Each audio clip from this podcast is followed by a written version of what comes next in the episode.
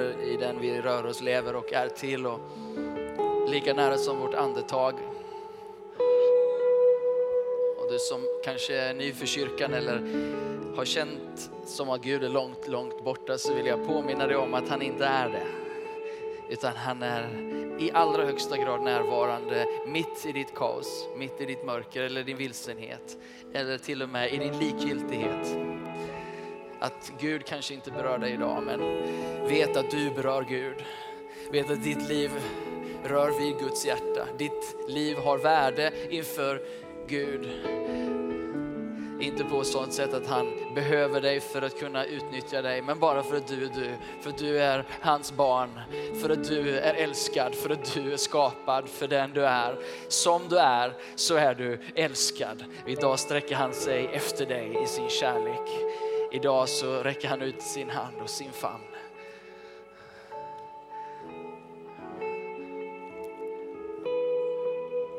Vi vet att du är här Gud, men vi ändå säger välkommen. Vi vet att du är här Gud och ändå säger vi välkommen.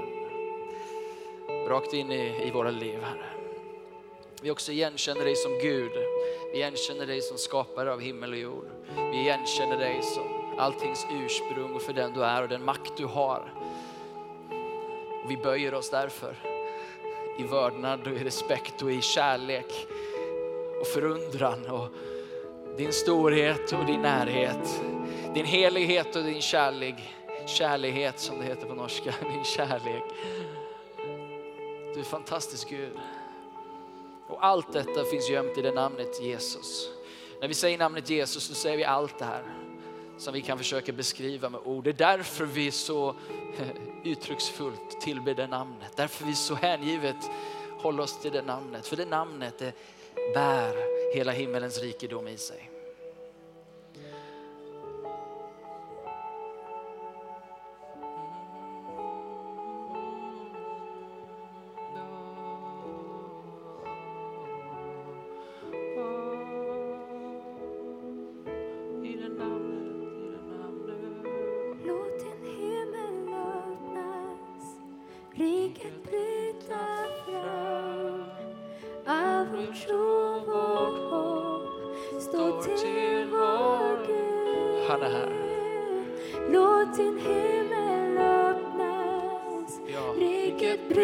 Bryta fram.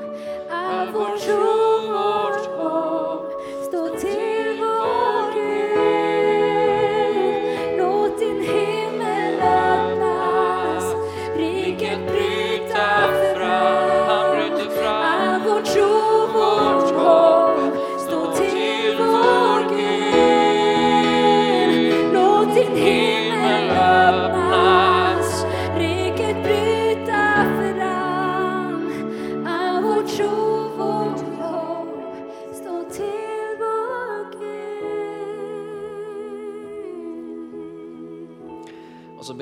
vi när vi kommer till ditt ord att eh, det ordet skulle bli levande, att ditt ord skulle tala och få tillträde till våra hjärtan och våra tankar så att det fick forma oss, så att det fick öppna upp oss.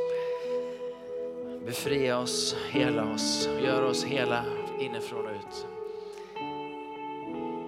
I Jesu namn. Amen. Amen. Kan vi inte göra så innan vi sätter oss? Att vi också tar möjligheten att hälsa på någon. Är det okej? Eh, okay? Du får välkomna någon till Citykyrkan kyrkan den här söndagen. Varmt välkommen om du är ny eller gammal i gamet.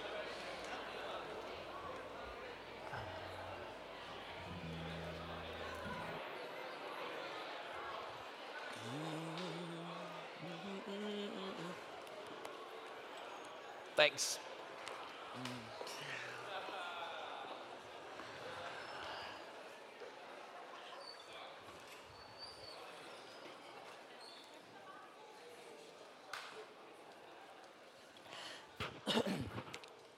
Om det är någon som är här idag som behöver eh, översättning till eh, engelska, farsi eller spanska så kan du plocka upp en eh, tolkningsutrustning där ute.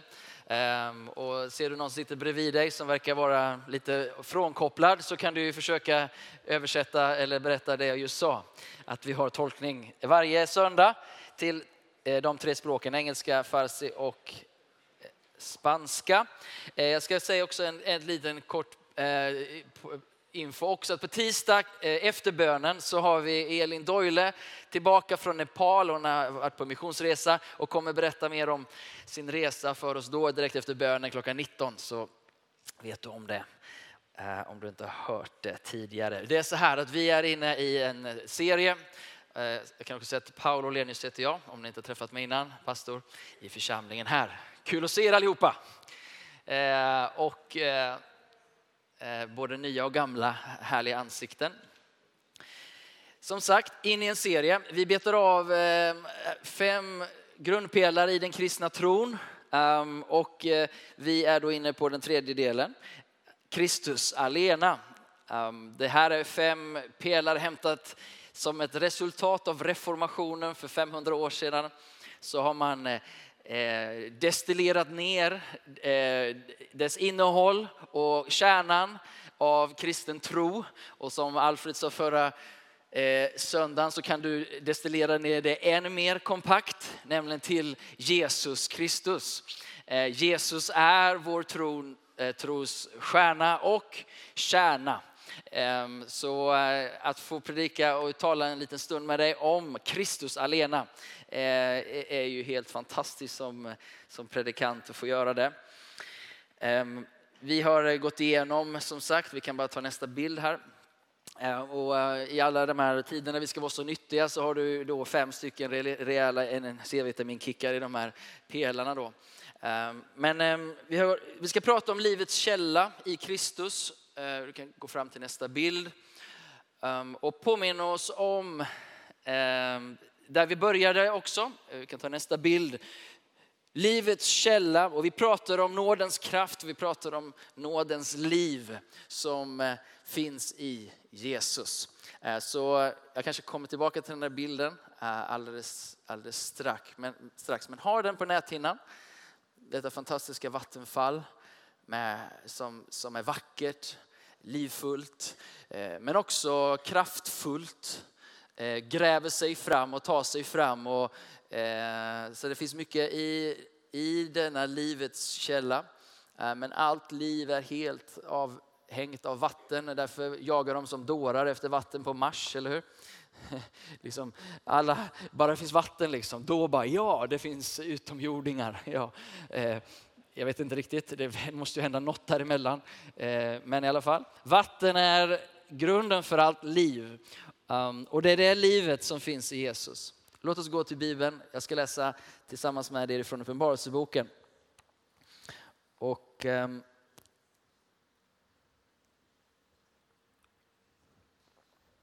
du som har ögon må se vad, vad det står. Ehm, annars får du höra vad anden säger till församlingen. Det går bra det med. Eh, Uppenbarelseboken 22, vers 1-17. Och han visade mig en flod. Har bilden framför dig. Livets vatten. Klar som kristall. Som går ut från Guds och Lammets tron. Mitt på stadens gata, på båda sidor om floden, står livets träd. Det bär frukt tolv gånger. Varje månad ger det sin frukt och trädets löv ger läkedom åt folket. Och ingen förbannelse ska finnas mer. Guds och Lammets tron ska stå i staden, hans tjänare ska tjäna honom.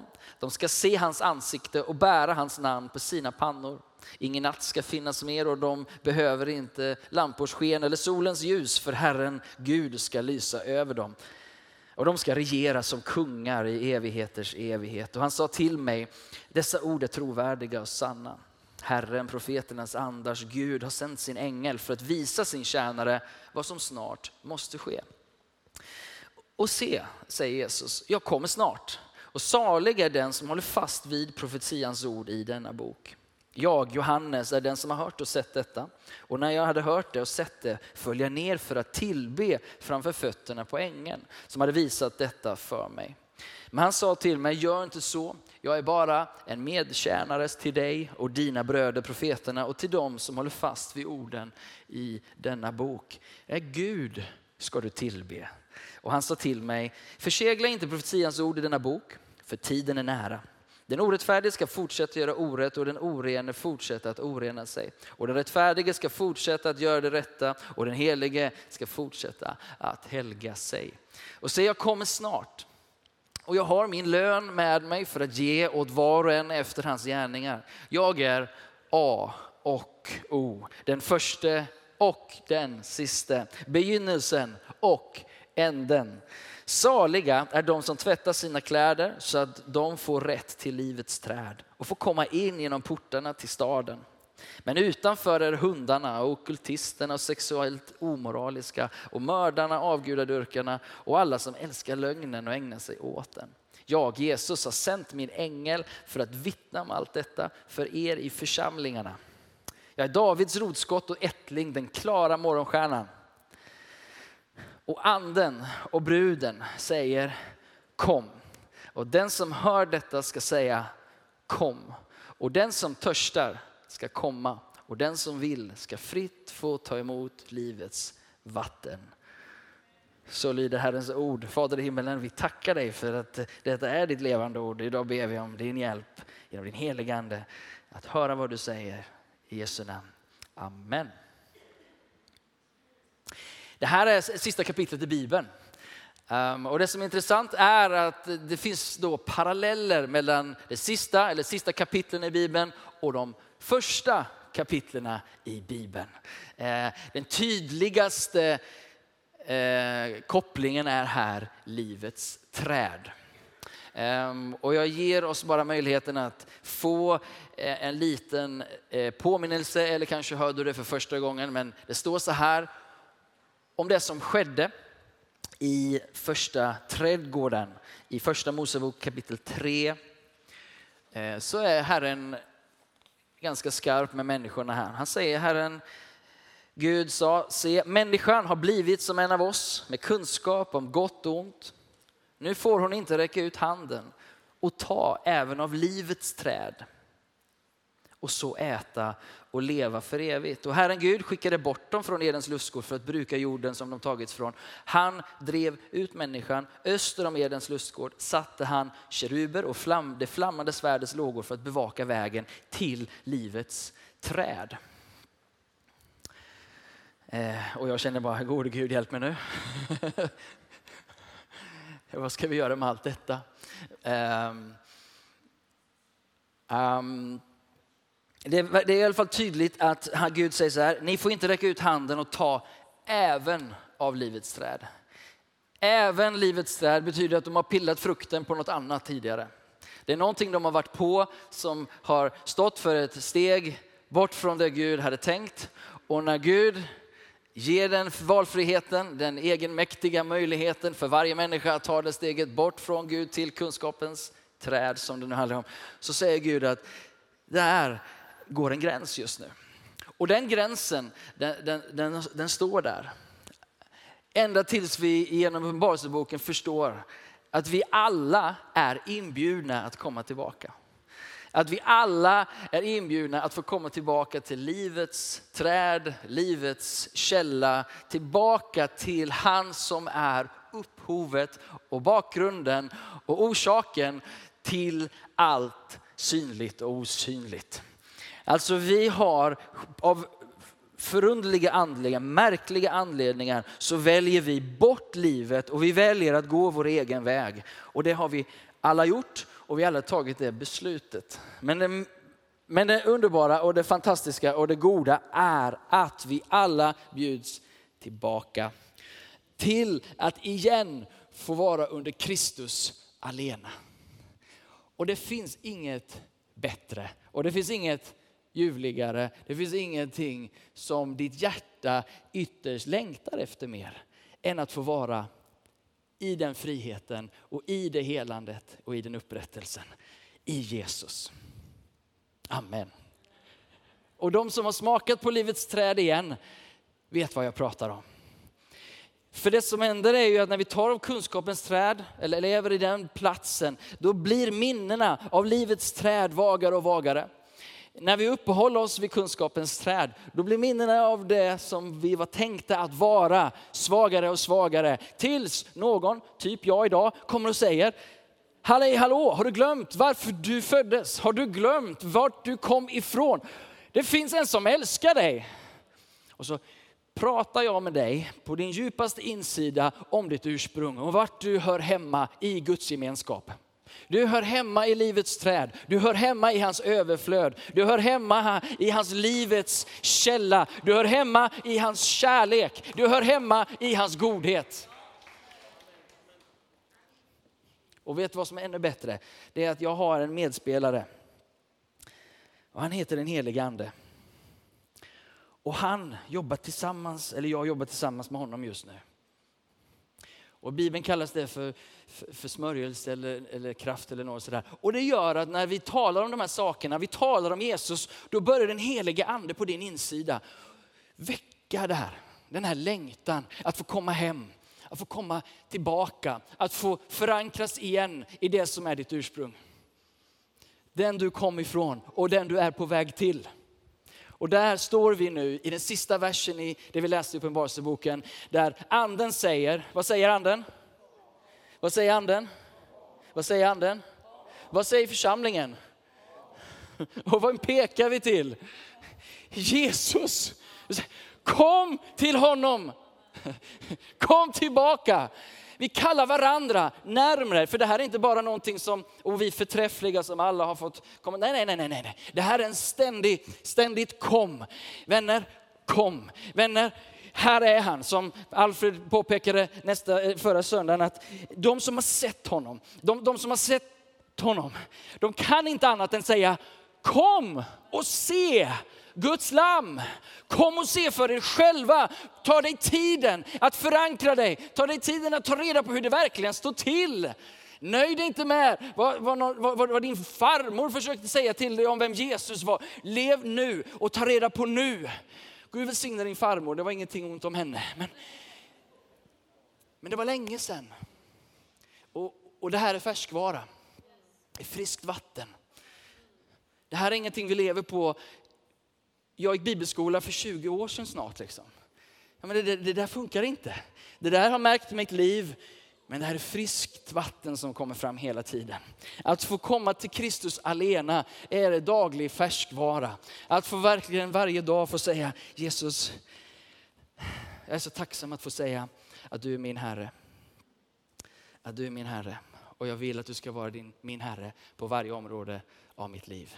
För jag vet att då är det som att förflytta Pauls hjärta, sinne och liv in i de här källorna av liv som flödar fram. Och det som jag annars får jobba så hårt för, det blir mig givet hos honom.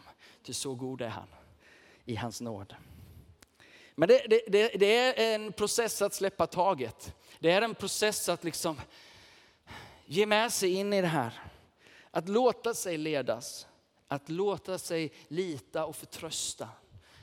Utifrån besvikelse, utifrån att det inte blev som vi tänkte oss, vågar jag än en gång lita på, vågar jag än en gång förtrösta på att han är så god som han säger att han är. Ehm, nu, nu var det väldigt länge sedan jag dök med, med tuber och så här. Men jag har dykarcert. Och jag tror och det ser jag fram emot att få, få göra det snart igen. Um, men jag är lite märkt av några händelser uh, när det kommer till dykning. Väldigt, väldigt, jag, om du frågar mig så skulle jag säga att det är helt fantastiskt. Det är, som, det är som himlen på jorden. Att vara viktlös och bara glida över korallrev och, och se Guds skapelse. Det, det, är liksom, det är sådär, det är en himmelsk känsla. Men, men att vara tio meter under vattnet Se om jag kan göra det kortfattat. Men jag, jag hade tagit dykarcert, jag hade dykt mycket, bla bla bla. Och sen så tog det några år och så skulle jag dyka igen. Och nu är vi i Thailand eller något sånt där. Och så, um, och så ska jag ut på ett dyk och vi går ner i poolen innan för att bara liksom checka att ja, men allting, man har koll sådär. Men det jag inte riktigt checkade och kollade, det finns en teknik i, i, i, i dykning. Ni, vilka har dykarcert? Så jag vet om jag pratar med några här. Ja, men det är trevligt. Hej, hej, hej, hej, Leo. Hej. Ja, eh, då är det så här att när du är under vattnet så, så kan du lyfta eh, din, din Google, din sån här glasögon, andas ut genom näsan och fylla på med luft och tränga ut vattnet ur glasen så du ser.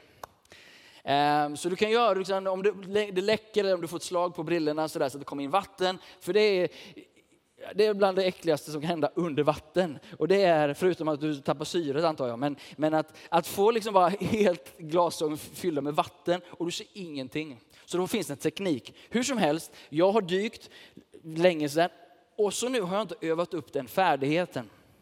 Jag är tio meter ner, vi är, vi är i ett tåg där, vi följer en dykare. Och jag märker det börjar läcka in vatten. Och det läcker mer och mer och mer.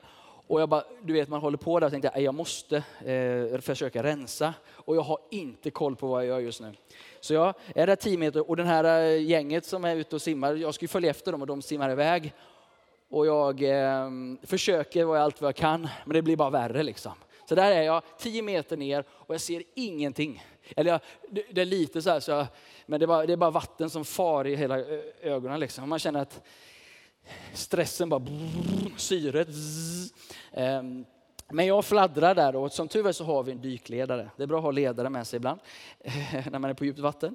Ehm, och den här ledaren tittar bak, ser mitt kroppsspråk, liksom, simmar tillbaka och han tittar på mig och jag liksom bara, ah, vi måste gå upp liksom. Och i stunden han tar tag i mig. Halleluja. Och jag bara känner, jag ger mig och jag släpper taget. Ta mig upp nu liksom. Och så vet jag proceduren, han tar mig upp liksom några meter i taget. Och så, jag ser ingenting, det går inte att fixa. Jag måste bara blint lita, lita på han som är där. Och, men jag vet någonstans att det här är någon jag kan lägga mitt liv i händerna på just nu. Och så tar han mig sakta upp, sakta upp så att man inte får så här, eh, vad heter det? Eh, vad är det man får? Dykarsjuka. Precis. Eh, han tar mig upp och jag kommer upp där och befrielse liksom, andas frisk luft. Men den där sekunden av det där att släppa taget. Och det är det som är så märkligt med Gud, att han låter oss och han tar oss in i sådana faser i våra liv. Jag vet inte vad du är för fas just nu, men jag vet vad Gud gör. Och det är att han önskar att du skulle släppa taget. Han önskar ta dig vid hand, han önskar att ta dig till ytan, han önskar att ta dig på nya äventyr. Han vill hjälpa dig att rensa ditt synfält så att du ser igen, så att du ner, kan gå ner på djupet igen och få uppleva hans skapelse på nytt med fri sikt. Men det krävs det där. Är vi redo att släppa taget? Kära vän, är du redo? Jag gammal kristen, du kanske är uppvuxen i det. Du kom söndagsskolan liksom, så har du kravlat till kyrkan. Men vet du vad? Det där är dagsfärskt. Det där släppa taget och låta honom vara Herre i ditt liv är en daglig färskvara. Och det är kanske någonstans där som jag utmanar oss idag. Kristus alena. Han vill ta oss på nya vatten, han vill ta oss in på nya fantastiska korallrev om man ska fortsätta på den bilden. Men han behöver att du och jag släpper taget. Är du redo för att släppa taget? Att Kristus alena är min Herre. Jag litar på hans råd, jag litar på hans godhet. Jag litar på att min frihet är i hans vilja. Att Kristus alena är mitt hopp idag, att han är mitt hopp imorgon och han är mitt hopp för evigt.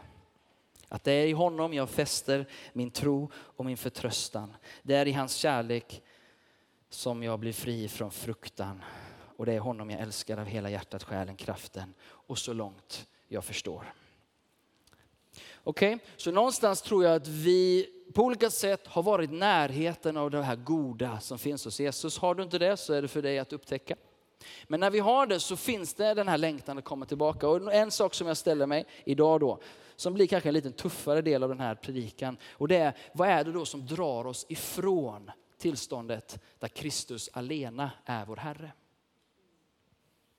Om du får eh, ta, eh, öppna Bibeln, det här är inte på skärmarna tyvärr. Första Mosebok kapitel 31. Så tänk jag att jag vill, jag vill lyfta två bibelberättelser. Och kära värld, klockan är mycket vänner.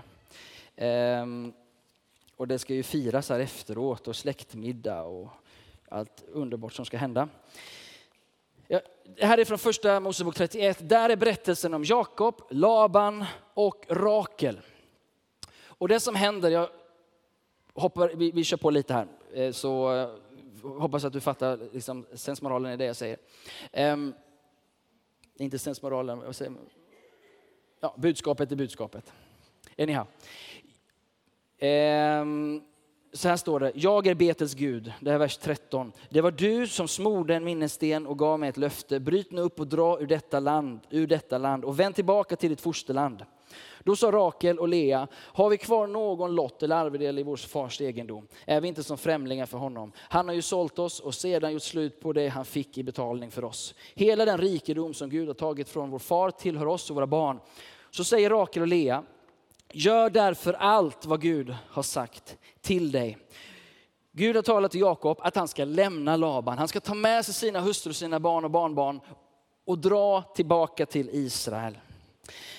Och så står det i vers 34, men Rakel har tagit husgudarna och lagt dem i kamelsaden och satte sig på dem. Laban sökte genom hela tältet utan att finna dem. Hon sa till sin far, bli inte arg på mig herre, för jag kan inte resa på mig, ehm, för jag har det som kvinnor brukar ha. Och så sökte han efter husgudarna, man kunde inte finna dem.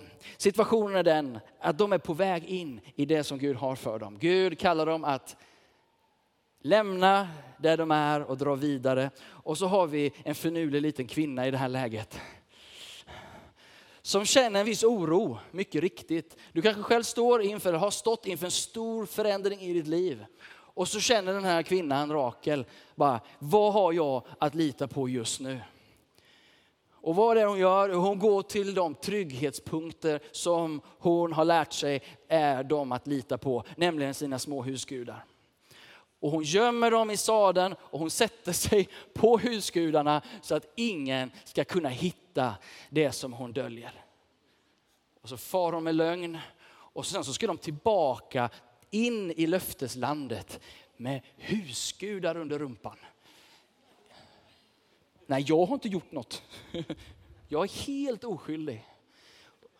Och här har vi hela Israels historia, hela frälsningshistorien ligger här.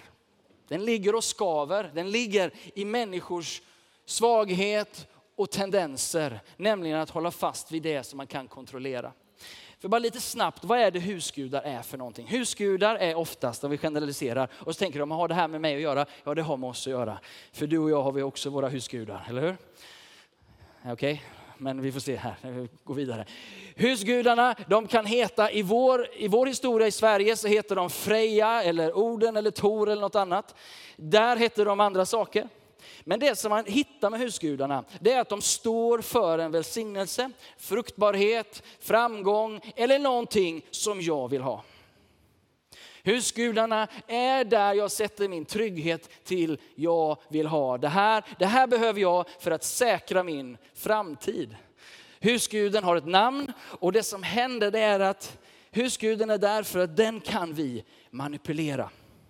Poängen med en avgud, med en husgud, vad den är, det är att det är någon som du ger vad den vill ha så att den ger vad du vill ha.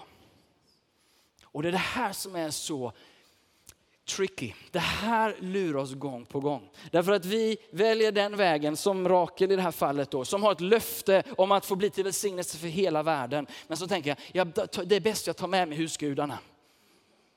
Så att om jag skulle behöva lite fruktbarhet så har jag det. Ja, någonstans. Och om jag skulle behöva det som jag behöver, då vet jag vart jag kan gå för någonstans. Och jag hinner inte lägga ut texten här nu. Men, men appliceringen är ju kännbar. När vi ska in i det Gud kallar oss att göra. Att de olika små husgudarna som vi någonstans håller tag i är också det som stryper själva livet och tillförseln av syre i våra liv. Och det är det här Gud ser. Han ser vad avgudarna gör, vare sig det är pengar, karriär, relationer, sex, missbruk, you name it. Vad det nu än är som blir den platsen som tillfredsställer vårt inre, så ser Gud helheten. Han ser vad det där gör med oss. Därför kommer han till oss och pekar på de där sakerna som kan vara så obekvämt. Men han kallar oss in i en ny, ny tid. Um, En annan som försökte manipulera sin karriär och sin framtid, det var Saul. Kung Saul. Han befinner sig vid två tillfällen då han tänker liksom att jag behöver ta det här i egna händer. Samuel, profeten, dröjde och det gick inte riktigt som han tänkte sig. Han höll på att tappa av anseendet bland folket. Och så gör han det som Samuel, sen profeten, tillrättavisar honom väldigt tydligt för. I första Samuels bok 15 och 22 så har Saul vid två tillfällen tagit saken i egna händer. Då säger Samuel så här. Behagade Herren med brännoffer och slaktoffer lika mycket som man lyssnar till Herrens röst? Nej, se lydnad är bättre än offer och lyhördhet bättre än baggars fett. För upprorskhet är trolldomssynd och trots är synd och avguderi. Eftersom du förkastas Herrens ord har han förkastat dig som kung. Och det här är inte liksom såna trevliga bitar att läsa i Bibeln. Inte heller det som vi läste i Uppenbarelseboken, att den som har tvättat sina kläder rena, ni får komma in och äta. Men det finns en skiljelinje. Och skiljelinjen är det här, är Jesus min Herre?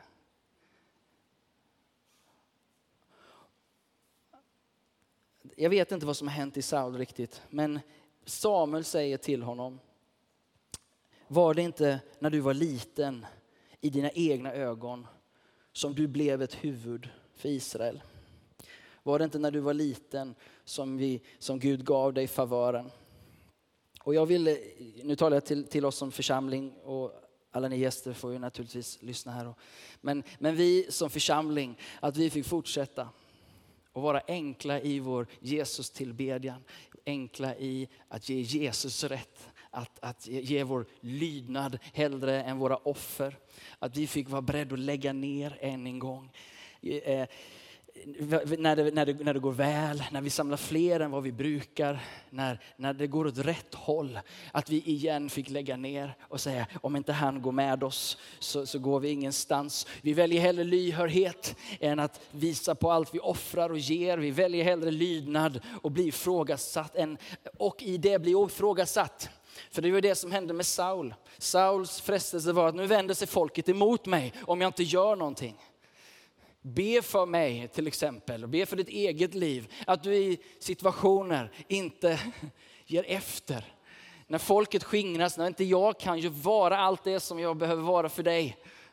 Be för mig att jag inte tappar fotfästet, att jag inte går tillbaka och börjar plocka fram mina husgudar och försöker manipulera det Gud håller på att göra. Jag tar mig själv som exempel, att, att, att, att stå in, under press under, under det Gud gör. Hur lätt är det inte att tappa finkänsligheten för det Herren säger? Hur lätt är det inte att dra fram den gamla segern och göra det igen? Och det här gäller inte bara pastor Paul, utan det gäller precis ditt liv. Att igen bara säga, Gud, du kanske inte ens är medveten om att dina glasögon är vattenfyllda. Men om du är det och du vet att det här är grumligt idag, så bara säga Herre, nu sträcker jag efter dig och jag väntar på att du tar mig vid hand och för mig till syre och låter mig bara få rekabler, komma tillbaka så att jag kan se igen. Det är inget bra om vi som församling jag ser, se oss framför oss liksom där. Åh, vad vi simmar på. Åh, vad vi simmar på. Åh, vad vi paddlar på liksom. Men synen är grumlig. Syret är ansträngt. Det finns ett annat sätt att simma på. Det finns en annan, ett annat flöde. Det är, det är det mest ljuvliga att dyka. Men jag har få liv, gånger i livet varit så rädd som när jag har dykt.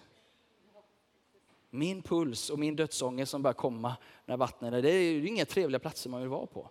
Alltså på riktigt, jag kände att nu dör jag. Och du kanske har varit i sådana situationer. Och så kan det vara så underbart. Livets vatten. Kom församlingen. Låt oss, låt oss ställa oss med den helige Ande och säga kom, kom tillbaka till Kristus, Kristus alena. Låt oss igen få börja våra liv, komma med våra, våra pengar, komma med våra ägodelar, våra karriärer. Låt mig avsluta med en, en Jesus-text eh, innan vi ska avsluta. Lovsångsgänget kan gärna få komma upp så ger det lite hopp här. Um, Nu ska vi se vad vi... I Lukas kapitel 16.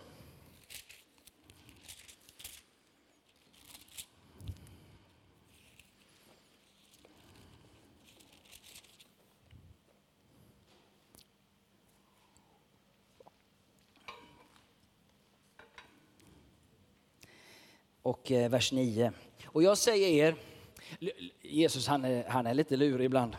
Eh, man måste liksom fundera och tugga lite på hans ord. Han säger så här, skaffa er vänner med hjälp av den ohederliga mam mammon. Alltså, skaffa er vänner med hjälp av pengar vet jag. Mm, vad menar du? Så att de tar emot er i de eviga boningarna när mammon har tagit slut. Den som är trogen i smått är också trogen i stort och den som är ohederlig i smått är också ohederlig i stort. Om ni inte varit trogna med den ohederliga mammon, alltså pengar, vem vill då anförtro er den sanna rikedomen? Om ni inte varit trogna med det som tillhör en annan, vem vill ge er det som ska bli ert? Och lyssna, ingen kan tjäna två herrar. Kan vi säga det tillsammans? Ingen kan tjäna två herrar. Ouch.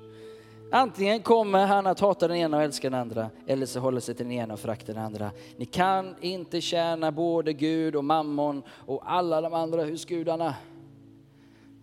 Och så kommer vi tillbaka till det första budordet. Ska ni inte ha några andra gudar vid sidan av mig?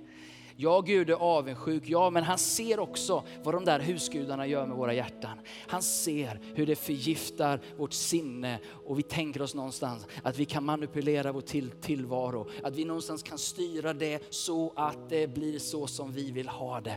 Gud ser det och han säger, låt mig få vara din Herre. Låt mig få vara ditt liv, din källa, ditt beskydd, ditt paraply.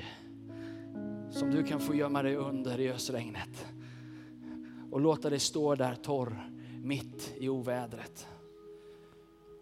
Jesus är vårt allt.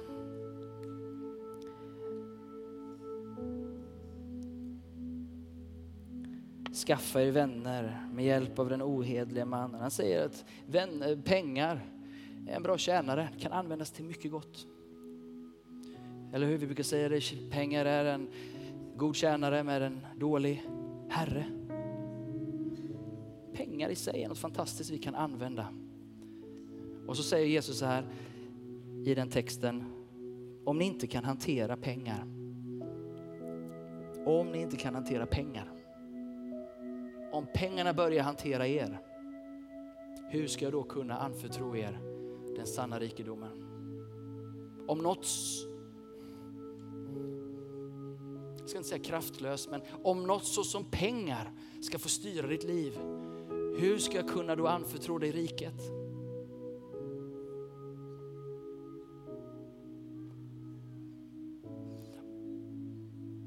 Rannsakande, eller hur? Ja, men jag ger mitt tionde och jag ger. Ja, men det krävs en funderare tänker jag. Att få vara fri på det området innebär också att vi kan vara fri på alla andra områden också. Det finns ett test när det kommer till dig och dina pengar, mig och mina pengar. Vad är Gud efter din frihet? Vad är Gud för oss in i sitt liv, sitt överflöd? Han vill anförtro dig riket. Men om vi inte kan hantera pengar och pengarna börjar hantera oss.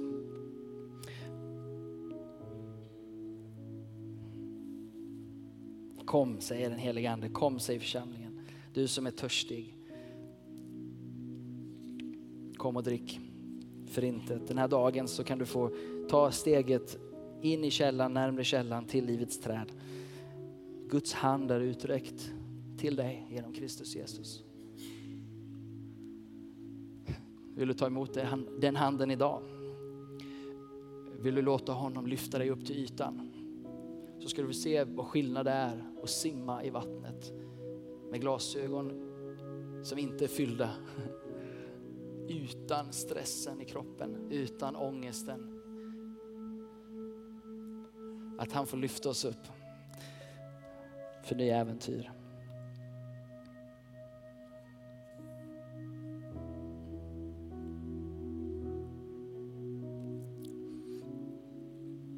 Den inbjudan gäller dig som först aldrig kanske har tagit det beslutet. Att få komma nära igen, att få komma hem, att få ta emot Jesus och det han har gjort för dig. Så att du får en upprättad relation tillsammans med Gud. Jag sa i början här att han älskar dig. Ditt liv är värdefullt. Även om du har varit likgiltig inför Gud så är han inte likgiltig inför dig. Inte en enda dag av ditt liv har han varit likgiltig inför dig. Han har stått där och han står där. Och även om du går ut genom de här dörrarna likgiltig så står han där imorgon också. Och han står där på tisdag och han står där på onsdag och han står där på torsdag. Och han väntar på dig ivrigt att få komma dig nära. Att få ha gemenskap med dig som han vill som far med sitt son, med sin son och sin dotter. Han står där och väntar ivrigt. Och vi andra som kanske har tagit det beslutet och är på väg in i löfteslandet, vet du vad vi har tid att göra idag? Vi har tid att kasta bort husgudarna, hoppa av sadeln, befria din kamel, din åsna, din häst från de där eländiga avgudarna. Jag slog in avgud i folkbibeln och bara se hur många texter. Det är bara, det är bara väldigt uppfriskande att bara läsa de tomma avgudarna, de eländiga avgudarna, de tomma avgudarna, de eländiga avgudarna, släpp avgudarna, de eländiga avgudarna, de tomma avgudarna. Bara gång på gång på gång på gång. Och man känner, Gud, vad är det vi liksom vaggas in i?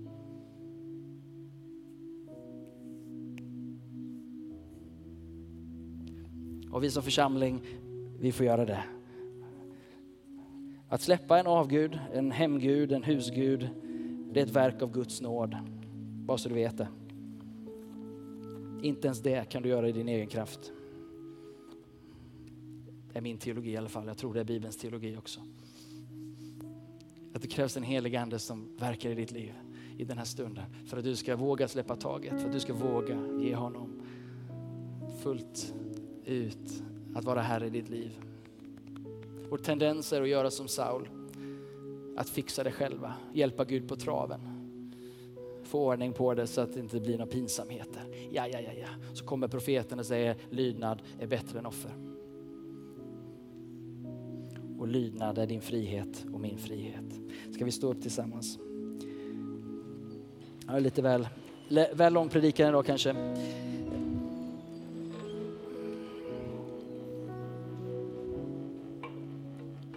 Herren säger att jag är alfa och omega, den första och den sista, begynnelsen och änden. Det är honom du kommer till. Det är honom vi pekar mot. Pekar inte mot vår förträfflighet som församling eller som enskilda på något sätt, men, men på den Jesus. Jag vet inte vad ditt behov står i, vart du befinner dig, men jag vet var svaret finns någonstans. Se Guds lamm. Se Guds lamm som tar bort världens synd.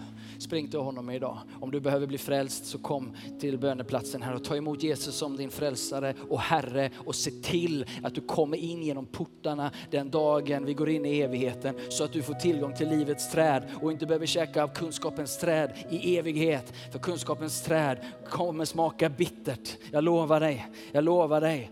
Men det finns en öppen port idag. In genom Jesus Kristus, in i gemenskap med Gud, in till livets träd står där och väntar på dig dig. Och är det så att du bommar dig idag så står han där imorgon också om den dagen finns för dig. Och han står dig där nära dagen efter. Han är där varenda dag. Men han väntar på ditt gensvar. Kära älskade vän som kom till kyrkan idag. Låt inte det gensvaret dröja. Jag säger med anden och församlingen, kom och drick av livets källa. Har du druckit det grumliga vattnet så är det dags att sluta med det och dricka det friska vattnet. Har du simmat med glasögonen fyllda av vatten så är det tid att låta honom ta bort detta och fylla på syrgasen så att du inte behöver lida i ditt äventyr tillsammans med honom. Jag vet inte om vi har någon mer kunskap.